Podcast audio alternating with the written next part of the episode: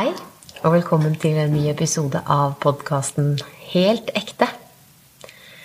Jeg heter Cecilie Hegna, og i dag har jeg fått med meg min første gjest, som er eh, mannen min og min favorittperson, Bjørn Skålerud. Hei, Bjørn. Hei. Hvem er du? Ja, jeg er jo din mann. Og bor her sammen med deg. Jeg er eh, Ja, hvem er jeg? Jeg er pappa til eh, to barn, da. Og eh, jeg er en person som er veldig glad i livet. Veldig glad i å leve. Kjenne på at jeg lever. Glad i å bevege meg. Og jeg syns jo det er så fint, fordi i alt vi har gjort sammen siden vi, vi møtte hverandre på internett Det Ja. begynner jo å bli noen år siden. Eh, og da bodde jeg i Tsjekkia, og du bodde i Tønsberg. Og de mailene begynte ikke sånn typisk sånn som jeg eh, Ofte på de der nettsidene der man skal møte en kjæreste, så er det sånn Hei, skal vi møtes? Eh, Blir litt sånn rett på sånn flørtetalk. Mens eh, du og jeg begynte litt annerledes. Ja, Tenkte du at det var annerledes, eller var det bare typisk deg å være sånn du var i de mailene? Jeg tror det var litt typisk meg.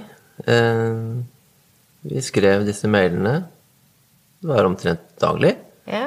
Det var sånn dagbokform. Ja, litt dagbokform. Vi skrev litt hva vi hadde gjort og Og du var Ja. veldig nysgjerrig og stilte litt sånn spørsmål om hvem egentlig jeg var, istedenfor å gå rett på at vi kanskje eh, skulle møtes. At ikke det var liksom hovedfokus.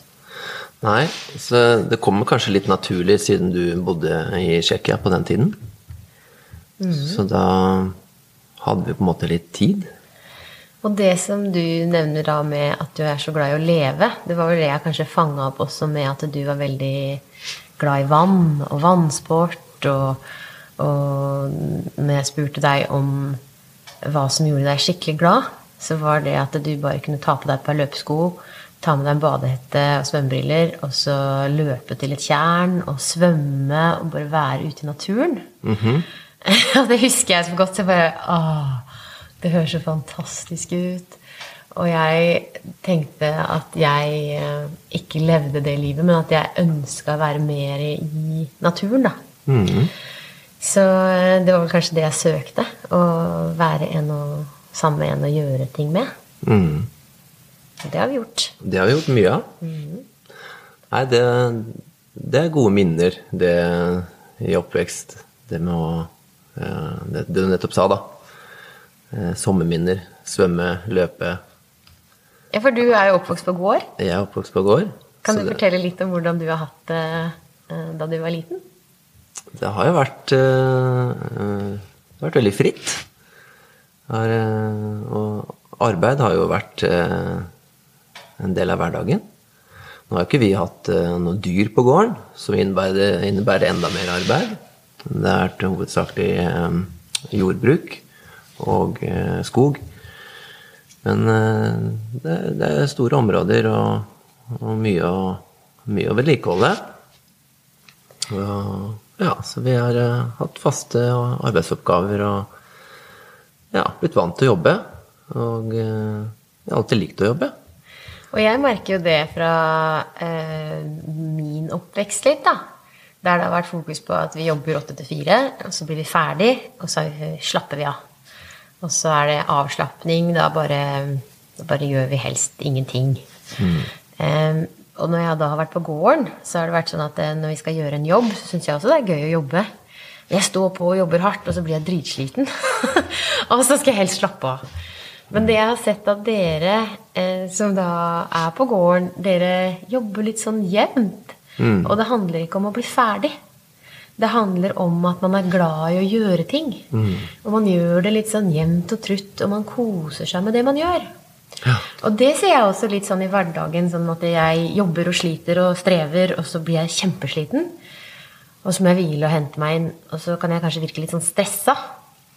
Mens du, du bare gjør ting eh, Du har kanskje en liste, og hvis du er ferdig med den lista, så leter etter noe annet å gjøre fordi du bare liker det. Og det er jo eh, veldig fint, da, for det blir jo gjort veldig mye her. Samtidig så har jeg da på min usikkerhet kjent på at jeg ikke bidrar like mye, f.eks. For. Fordi jeg liker å slappe av i sofaen av og til. Mhm. Og du, har du noen gang kritisert meg inni hodet ditt og tenkt at jeg er sløv og ligger på sofaen? Nei, det har, vi, det her, det her har vi jo pratet, det har vi pratet om. Ja. For du vet jo hvor jeg kommer fra. Ja. Og jeg er veldig glad i å bare gjøre ting Ja. uten at det Uten at jeg syns det er noe stressende. Mm. Så Og mye av de sånn sånn som oppgaver jeg har hatt på gården, har jo, vært, eh, har jo tatt lang tid. Så, så jeg er blitt vant til at det, det er ikke sånn at ting må bli ferdig veldig fort. Nei. Og det er jo litt morsomt òg når jeg er oppvokst i eh, eh, Sånn som morfaren min og onkelen min, de var veldig kritiske til dette veldig mye. Og slang mye kritikk om alt og alle. Og vi var mye sammen i oppveksten. Og jeg tror jeg ble litt sånn farga av det at jeg alltid hørte noen bli kritisert. Og det at eh, jeg da med en gang tenker at andre kritiserer meg Sånn som når jeg lå på sofaen og hadde litt dårlig samvittighet da, fordi jeg ikke alltid gjorde noe, så tenkte jeg at du tenkte det om meg. Ja. Og det tror jeg er en sånn Når vi eh, tenker ting om andre, så kunne jeg til og med blitt litt sur på deg, ja, fordi du syntes at jeg var sløv og lå på sofaen. og så kunne jeg tenke at eh, eh, du må jo la meg være meg. Uten at du hadde gjort noen ting i det hele tatt. Og det høres, helt tullete, men det er jo ting jeg har blitt bevisst etter at jeg har gått gjennom eh, en liten sånn utvikling i hva jeg tenker, og hva som faktisk er realiteten.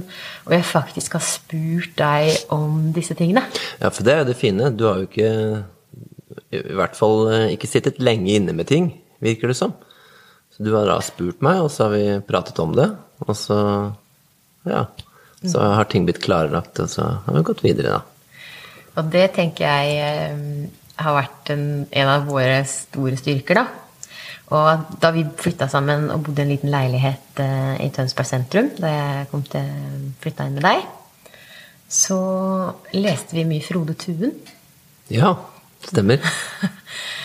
Og eh, da snakka vi jo veldig mye om eh, at vi ikke helt forsto at noen plutselig innså noe om kjæresten sin som de ikke hadde sett før. Og så plutselig at den personen de trodde man skulle være sammen med for alltid, plutselig da var en annen. Eh, hva tenker du om det? Jeg tenker, jeg, syns, jeg, tenker, jeg tenker nok kanskje at jeg syns det er litt, litt rart. At uh, man vil la det gå så langt utenom å kommunisere det. Det vil jo ikke kjennes bra. Og det vil jo påvirke så mye annet. Og hvordan tenker du etter at jeg har åpna opp veldig mye om mine tanker, og jeg, jeg har jobba såpass mye med personlig utvikling og eh, sagt litt om hvordan jeg hadde det inni meg før, og hvordan jeg har det inni meg nå eh, Da tenker jo jeg at jeg forstår det litt hvis eh, Du skjønte jo ikke egentlig hvordan jeg hadde det inni meg før. Nei. Eh, så det er litt overraskende mye av disse tingene som eh, Disse tankene du har hatt, da. For du har jo virket så Ting har jo virket så bra. Og ting har jo vært bra. Ja. Men det er følelsene, da. Hva Ja. det gjør med hvordan vi oppfatter ting. Og selv om vi har hatt masse turer og det har vært kjempegøy, så har jeg kanskje tatt med meg litt den slitenhetsfølelsen, eller litt sånn ting som ikke har vært bra. At jeg har kanskje hatt litt fokus på det. Og det er jo akkurat sånn man snakker om eh, mm, Anja og Marius i Heart Mentality. De har et veldig sånn fint bilde av det. At det man, akkurat som man har en kameralinse, og så ser man ut på et bilde, og så kan man eh, fokusere på eh, en ting som eller Hvis jeg ser på deg nå, da, så kan jeg fokusere på ansiktet ditt og se det som det viktigste i mitt liv. Men så kan jeg vri fokuslinsa litt til den planten bak der, og så ser jeg ikke deg. Og så ser man kanskje noe som ikke er så viktig, og så setter det i fokus. Og det er akkurat det som fokustrening handler om. At man klarer å vri fokuset det, det som faktisk betyr noe. Så kan man også endre hvordan man har sett på ting som det har vært.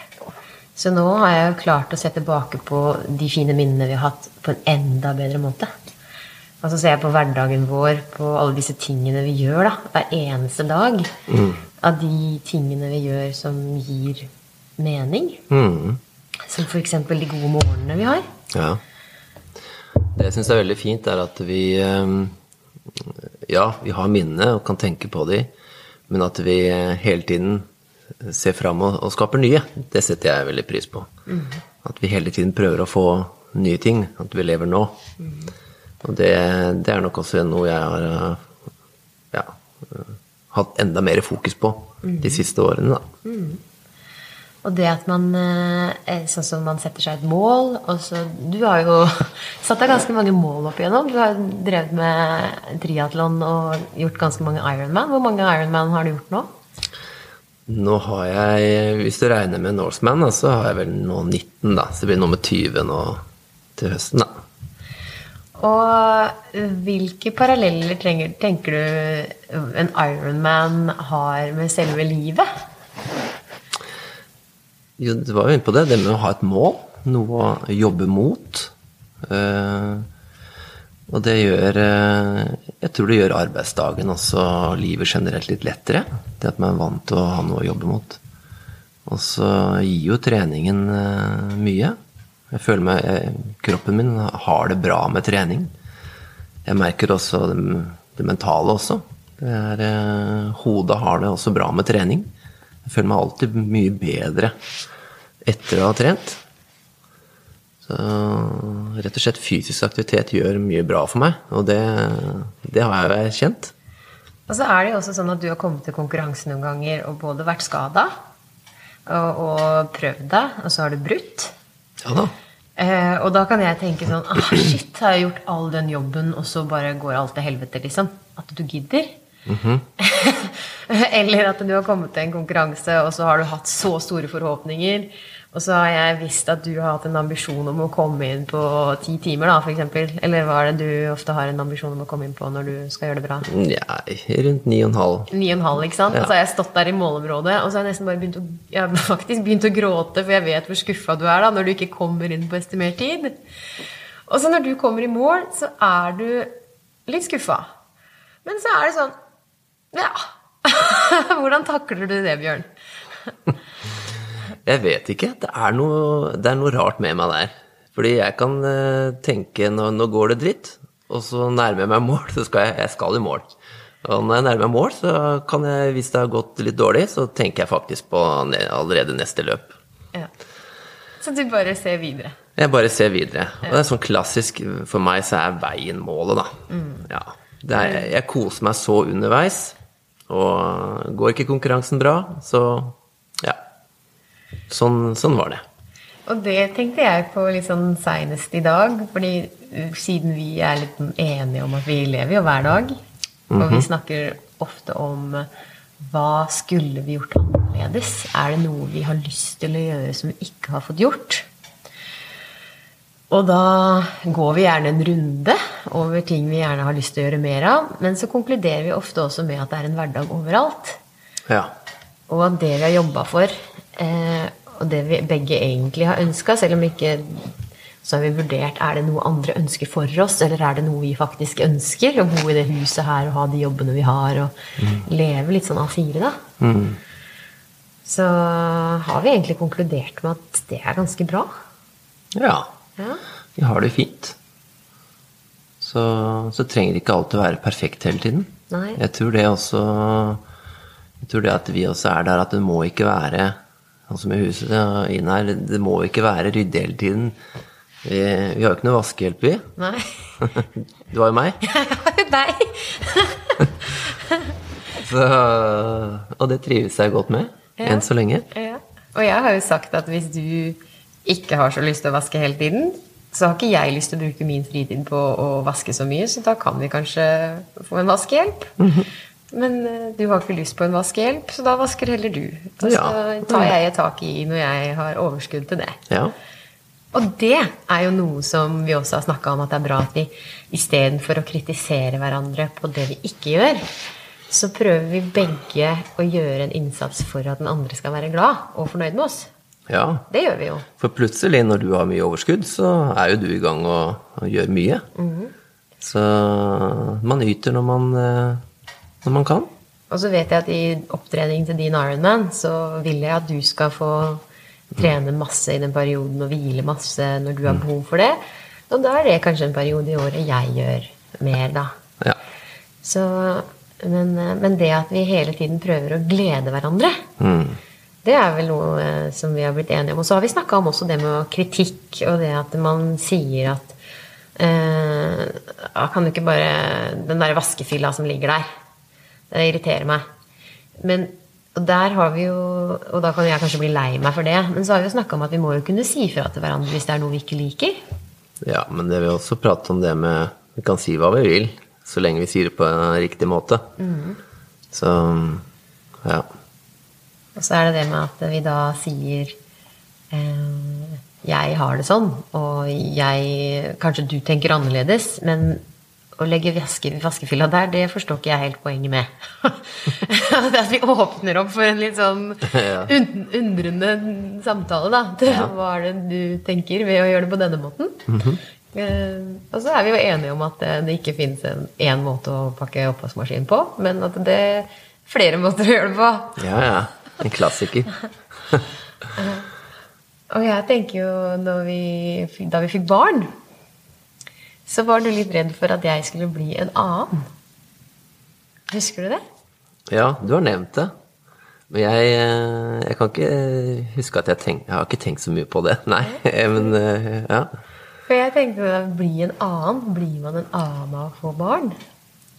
Men jeg tror jeg ser veldig mange eh, familier der, en, der dama føler at de har så mye større ansvar for at ting skal være perfekt. Da, med pakking av barnehagebager og stellebager og stellevesker og hvilken mat, og at alt skal gjøres på én spesiell måte.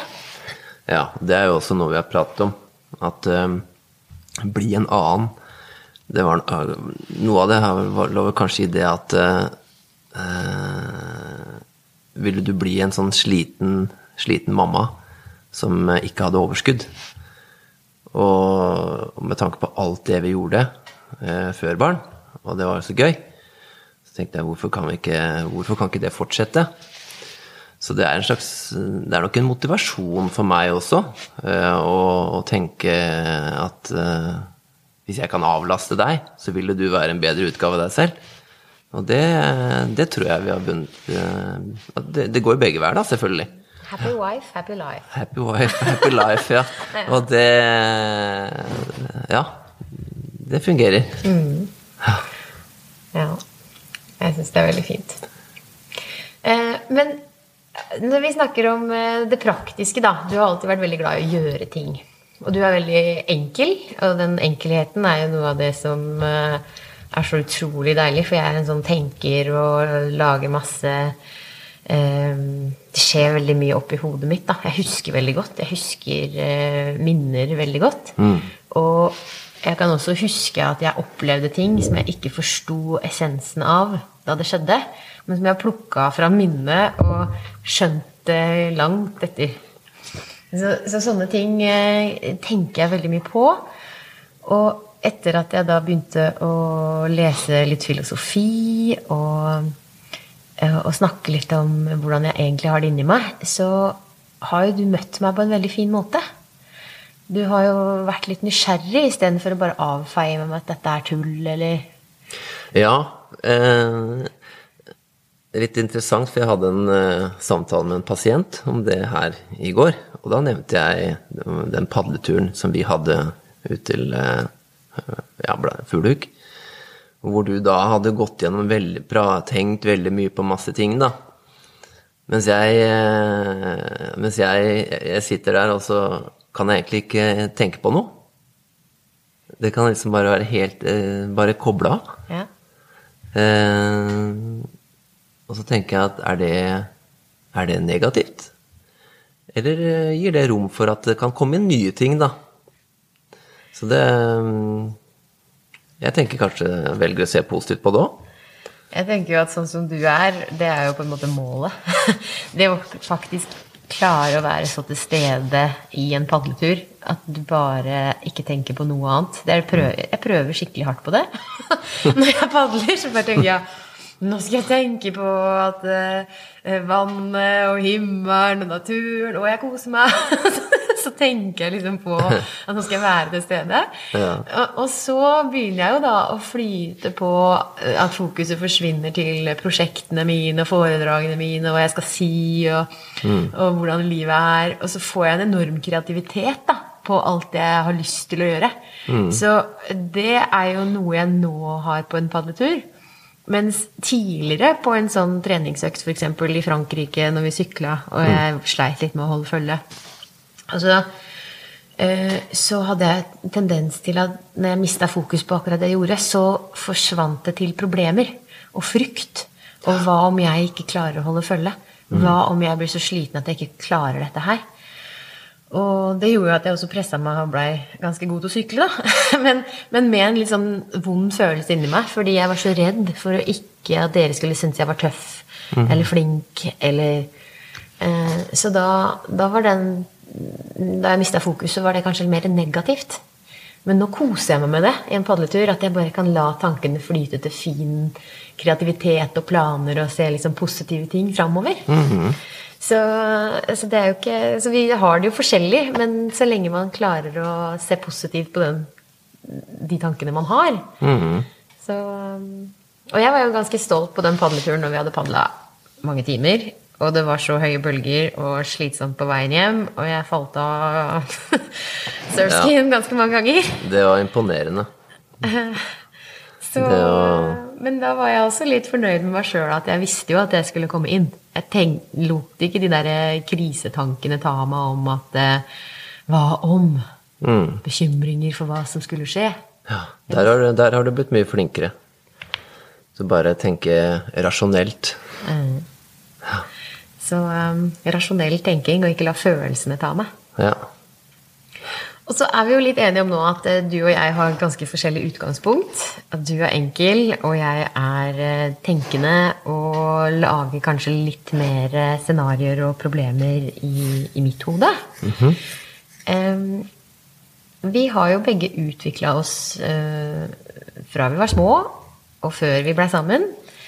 Eh, og jeg husker at du har fortalt litt om din ekskjæreste Maria. Og hvordan at hun har eh, på en måte eh, hjelpa deg da, til å snakke om følelser. ja, det stemmer. Kan ikke du fortelle litt om det? Ja. ja Hva skal jeg si, da? Nei, altså, hun, eh, hun er jo tenkende. Sånn som deg. Veldig mye tanker. Og eh, hun, hun utfordret meg med mange spørsmål. Og eh, hun ga seg ikke heller. Hun spurte om igjen. og jeg syntes det var vanskelig. Og, for det var vanskelig å finne ordene. Når man ikke har, eh, har hatt eh, så mange sånne dype samtaler før. Så ja. Hun, hun utfordret meg mye med Og jeg syns det er litt kult da, at Maria, eh, som for øvrig også har takka ja til å være med i den podkasten Jeg har aldri møtt Maria før. Og det syns jeg er litt synd, og det er litt min feil, fordi min frykt for at dere skulle fortsette deres vennskap da vi ble kjærester, det var litt sånn sto i veien for eh, at eh, vi egentlig har blitt kjent. Så der har jeg tatt opp eh, Der har jeg spurt Maria om hun vil møte meg og bli med i podkast, så det er jeg veldig spent på. Det kommer, kommer. Eh, Men eh, eh, det med at hun har fortsatt å spørre, det er det ikke alle jenter som har selvtillit nok på. For jeg tror at veldig mange jenter som da har eh, forma seg etter omgivelsene, de føler at disse tankene ikke er så mye verdt. Også med da en mann eller gutt som kanskje kan virke mer selvtillit eller virke til å ha mer selvtillit og bare avfeie det med at 'nei, og nå er det tullete som tenker alt det', og så bare avfeier det. Mm. mens Maria da turte å fortsette å spørre. og, og det også med at eh, man tar disse følelsene på alvor. At Vi begge sitter med hver enkelt følelse, og hvis vi skal da klare å eh, forstå hverandre, så er det nødvendig å forklare hvordan man har det. Og det ser jo jeg også etter hvert som jeg har lest eh, mer psykologi, og hvordan vi snakker om mm, at noen kan jo være veldig aggressive. Eh, men det er jo fordi de forsvarer seg med at de ikke klarer å sette ord på følelsene og heller bare bruser opp med eh, aggresjon. da. Eller jenter som kanskje kan begynne å gråte eller trekke seg inn fordi de føler seg usikre. Mm. Så jeg syns det er veldig gøy når man utforsker det å faktisk klare å sette ord på følelsene sine. Ja, det krever trening, da. Jeg tror det har hjulpet å lese ja, ja blant annet sånne enkle ting som Frode Tuen og disse filosofibøkene som vi har lest, og, og filosofipodkaster, blant annet. Mhm. Ja, du hører på en veldig fin podkast. Ja, Eksistenspodden. Ja, denne syns jeg var veldig, veldig fin. Så hele fjor eh, sommer når jeg sykla langturer, så var det filosofi på øret. Og det har jo også vært sånn at du har eh, kommet deg hjem, og så har du åpna for mange nye spennende samtaler fordi du har hørt en artig podkast. Og så åpner det for et nytt tema. Ja, kjempegøy. Og det jeg synes er litt sånn stolt av, da, at du ofte nå eh, blir litt sånn omtalt som hobbypsykolog på, på jobben. Og hvordan tenker du at dette her, eh, hvordan vi har snakka, og hvordan du har blitt litt åpen for å se at eh, andre er ulik deg, da? Og at du kanskje forstår andre litt mer istedenfor å bare tenke at uh, de kan bare ta seg sammen og leve sånn som deg. Jeg har nok blitt mye flinkere til å se flere sider, ja. Og med pasientkontakt og samtaler. Du har sagt at det er litt mindre slitsomt på jobb nå? Ja, jeg tror det. Det er eh, Ja, det er mer eh, Jeg har jo pratet om det før. At eh, et, etter hvert som man får erfaring, så ser man mer enn bare en rygg og en nakke. Men det, det forstår jeg bare mer og mer, da. Om, om bakgrunnen for, en, for et problem. Da. Det kan være så dypt. Det kan ligge så langt tilbake. For du jobber som kiropraktor? Jeg jobber som kiropraktor, ja. Det er mange som kommer inn med muskel-skjelettvondt. Mm -hmm. og, og, mm, jeg leser en bok som heter 'Psykolog med sovepose', og hun snakker om følelseslokk. Mm -hmm. Og det, når man undertrykker følelser, så kan det utvikle seg til å bli spenninger og kroniske smerter. Mm -hmm. Og du løser jo opp i spenninger, eller i stive ledd. Ja. Men du har blitt også flinkere til å ta tak i kanskje ting i livene til det de forteller om sitt hverdagsliv. da. Kanskje åpne opp for nye spørsmål som de kanskje kan ta tak i. Ja, jeg tror det. Så om ikke jeg kan løse de problemene, så kan jeg i hvert fall uh, kanskje stille noen spørsmål. Kanskje hjelpe de videre til neste steg. Og uh, ja Kanskje få de til å forstå at dette kanskje ikke bare handler om smerten i, i nakken eller ryggen. At det, det stikker dypere. Ja. Og jeg tror jo så innmari på at hvis vi klarer å koble på følelsene og faktisk skjønne vi, hvordan vi har det, og hva vi kan gjøre for å få det bedre, så kan vi styre litt bedre på følelseskompasset vårt. At følelsene de viser oss litt vei hvor vi egentlig burde gå. Og så må vi stole på det litt mer. Uh, og jeg syns jo det er litt sånn artig når vi sier at vi øver oss på å prate. Vi øver oss på å tenke, og vi øver oss på eh, å ha det bra. Og noen eh, har jo kommentert etter første episode i podkasten at jeg bare kan snakke sammenhengende i en monolog, som jeg faktisk gjorde. Og det virker som om jeg da bare kan det, at jeg er født sånn at det, det er en Det er sånn jeg er. Men det er jo ikke det. Fordi jeg husker veldig godt da jeg var au pair i Frankrike etter videregående. Så hadde jeg en veldig god kompis som het Francis, og vi var mye sammen. Og vi, um, han, bodde, han var naboen min. Og da vi uh, satt en sånn kveld, altså, satt vi, ja, De hadde basseng, og det var veldig uh, fint der vi satt. Så så vi på stjernene. Og så, han var veldig flink til å fortelle om følelsene. Og han hadde en kjæreste som het Linda. og Det var alltid mye drama. Han fortalte så mye om hvordan han følte om alt dette her. Og jeg syns det var veldig snedig at det var noe sånn gutter som prata så mye om følelser. Og så spurte han litt om hvordan, eller hva jeg tenkte. Og så kom jeg ut med sånn filosofisk Eller sånn med alle tankene mine. Følte at jeg bare babla, liksom. At ingenting hadde sammenheng. Men det var første gang noen tok meg og mine følelser og var liksom nysgjerrig på hva jeg tenkte. Og jeg kan ikke egentlig huske hva jeg sa, men jeg husker det mest som babbel. Og han var litt sånn Wow, du tenker mye. og, og, det var liksom første steget på å faktisk få noen som ville lytte. Og jeg tenker det å ha en partner eller noen, en venn, eh, hvis man har lyst til å utforske, så kan man jo finne en som er interessert i å lytte. Og da må man jo nødvendigvis også lytte litt tilbake. Fordi mm. en samtale fungerer jo litt best når man er litt nysgjerrig på den man prater med. Definitivt. Så eh, gode samtaler, det Ja. Jeg syns du er veldig flink til å utdype. Blitt enda flinkere. Så når du eh, fremstiller et problem eller noen tanker, og jeg ikke helt eh, Ja, hva mener du? Så er du veldig flink til å omformulere og ja, gjøre det mer forståelig. For det har jeg vel kanskje hatt en tendens til tidligere, at jeg slenger ut en påstand. Og så kan man kanskje ikke forstå den påstanden helt, og så kan jeg kanskje virke både kynisk og slem hvis man tilegner meg tanker som, eller meninger jeg ikke har, da. F.eks.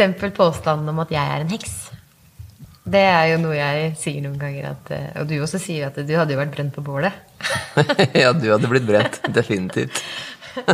og jeg tar jo bare som en kompliment hvis noen skulle kalle meg en heks. Fordi hvis man ser på historien, så er det veldig sterke kvinner, da. Som hadde mye kunnskap. Og som faktisk eh, levde det livet de trodde var rett. I en tid der det var mye kontroll og frykt for eh, folk som tenkte eller sa noe annerledes. Mm. Og jeg tror jo mye av eh, måten kvinner har holdt nede ved frykt for den, det begjæret de har inni seg etter å bare være den de er, det kan virke så skremmende, og det har blitt undertrykt, og de ble jo til og med brent. Mm. Så det har gjort også litt at damer har den litt sånn på vakt-holdningen og ser litt skrått på hverandre og kritiserer hverandre litt og sånt.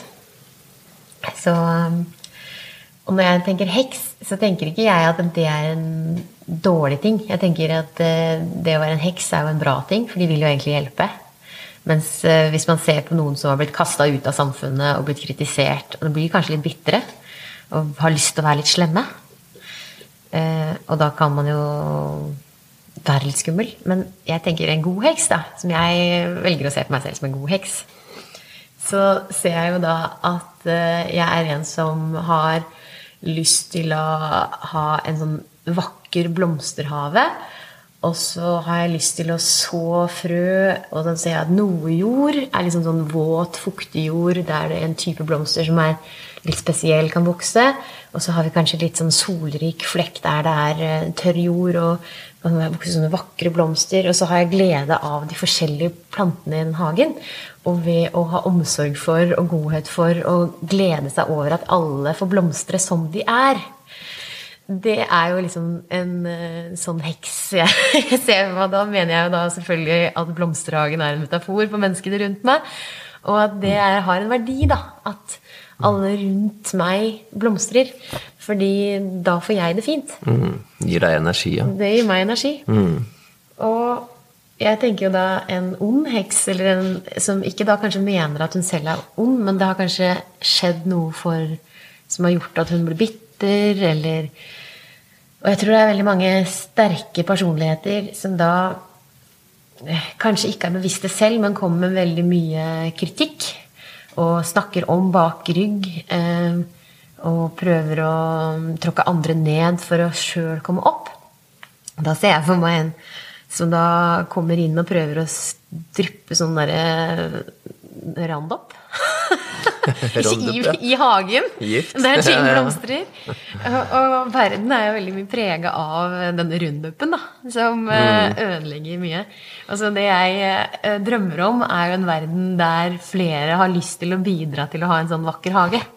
Og vi forbyr rundup, og at eh, vi prøver å bare ha fokus på det som faktisk kan bidra til blomster, istedenfor å prøve å Så det er jo litt morsomt når du da prøver å få meg til å utdype hva jeg mener med å være en heks. Så fortalte jeg denne blomsterhistorien her om dagen. Kjempefint. Um, ja. Uh, hva er neste prosjekt da, Bjørn? Uh, nå har jo jeg lagd en podkast. Hva tenker du om at uh, jeg skal bruke tid på dette her? Nei, spennende. Du får jo ut mye av disse tankene. Og så eh, vil du jo få veldig mange fine samtaler. Og eh, jeg tenker det er bra for alle, alle, alle rundt deg òg.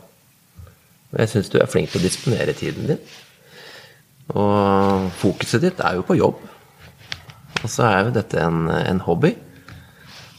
Og du får jo bruk for det her i jobb også. Du jobber jo med forbipasienter.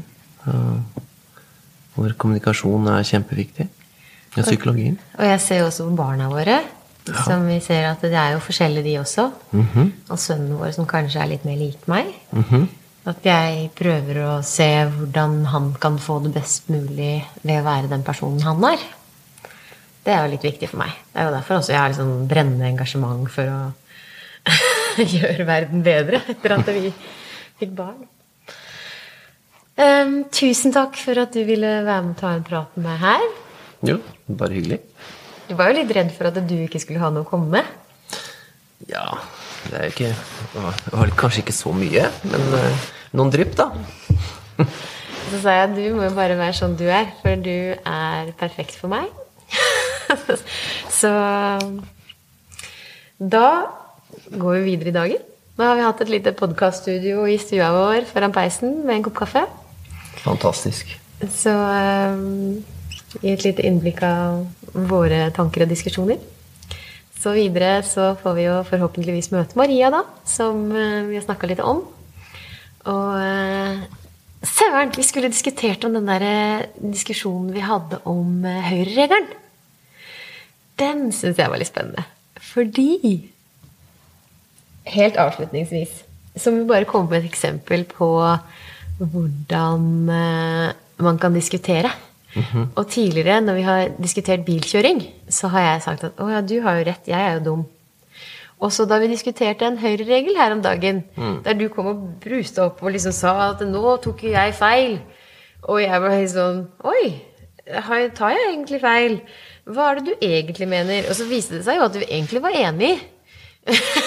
Ja, vi var jo enige. Vi var jo det var bare en- vi hadde bare forskjellig eh, på en måte, oppfatning rundt egentlig det samme. Ja, Og eh, av en definisjon. Ja, av en definisjon. Og likevel så klarte det å bli en sånn, eh, disk, en sånn voldsom diskusjon, da. Og det syns jeg var litt sånn eh, artig. eh, og hadde ikke jeg da kjent på meg sjøl og min selvtillit over at eh, jeg kanskje har rett, og turte å utforske deg og spørre spørsmål om hva du egentlig mener om dette her, Mm. istedenfor bare lukke meg og bare tenke at ja, ja, du har vel rett. Så utforska jeg, spurte spørsmål, og så viste det seg jo at vi var enige. Ja, Veldig fint, og det tror jeg gjelder eh, mange diskusjoner. Ja, og det eh, tar oss inn på neste gjest, som da er politimann. Og der eh, eh, Han har jeg observert eh, sykle ganske hardt på vei til jobb. Og, og da tenkte jeg at eh, det med trafikkregler er sånn som veldig mange har en formening om og tenker at de sjøl har rett. Mens jeg tror kanskje at hvis vi er litt rause og ser hverandre og prøver å bare få trafikken til å flyte, mer enn at alle bare skal komme først fram, så tror jeg kanskje vi kan eh, komme fram til bedre løsninger. Så da, dermed introduserte jeg neste gjest, som dere skal få møte neste gang. Og takk for i dag. Ha en helt ekte fin dag. ha det bra.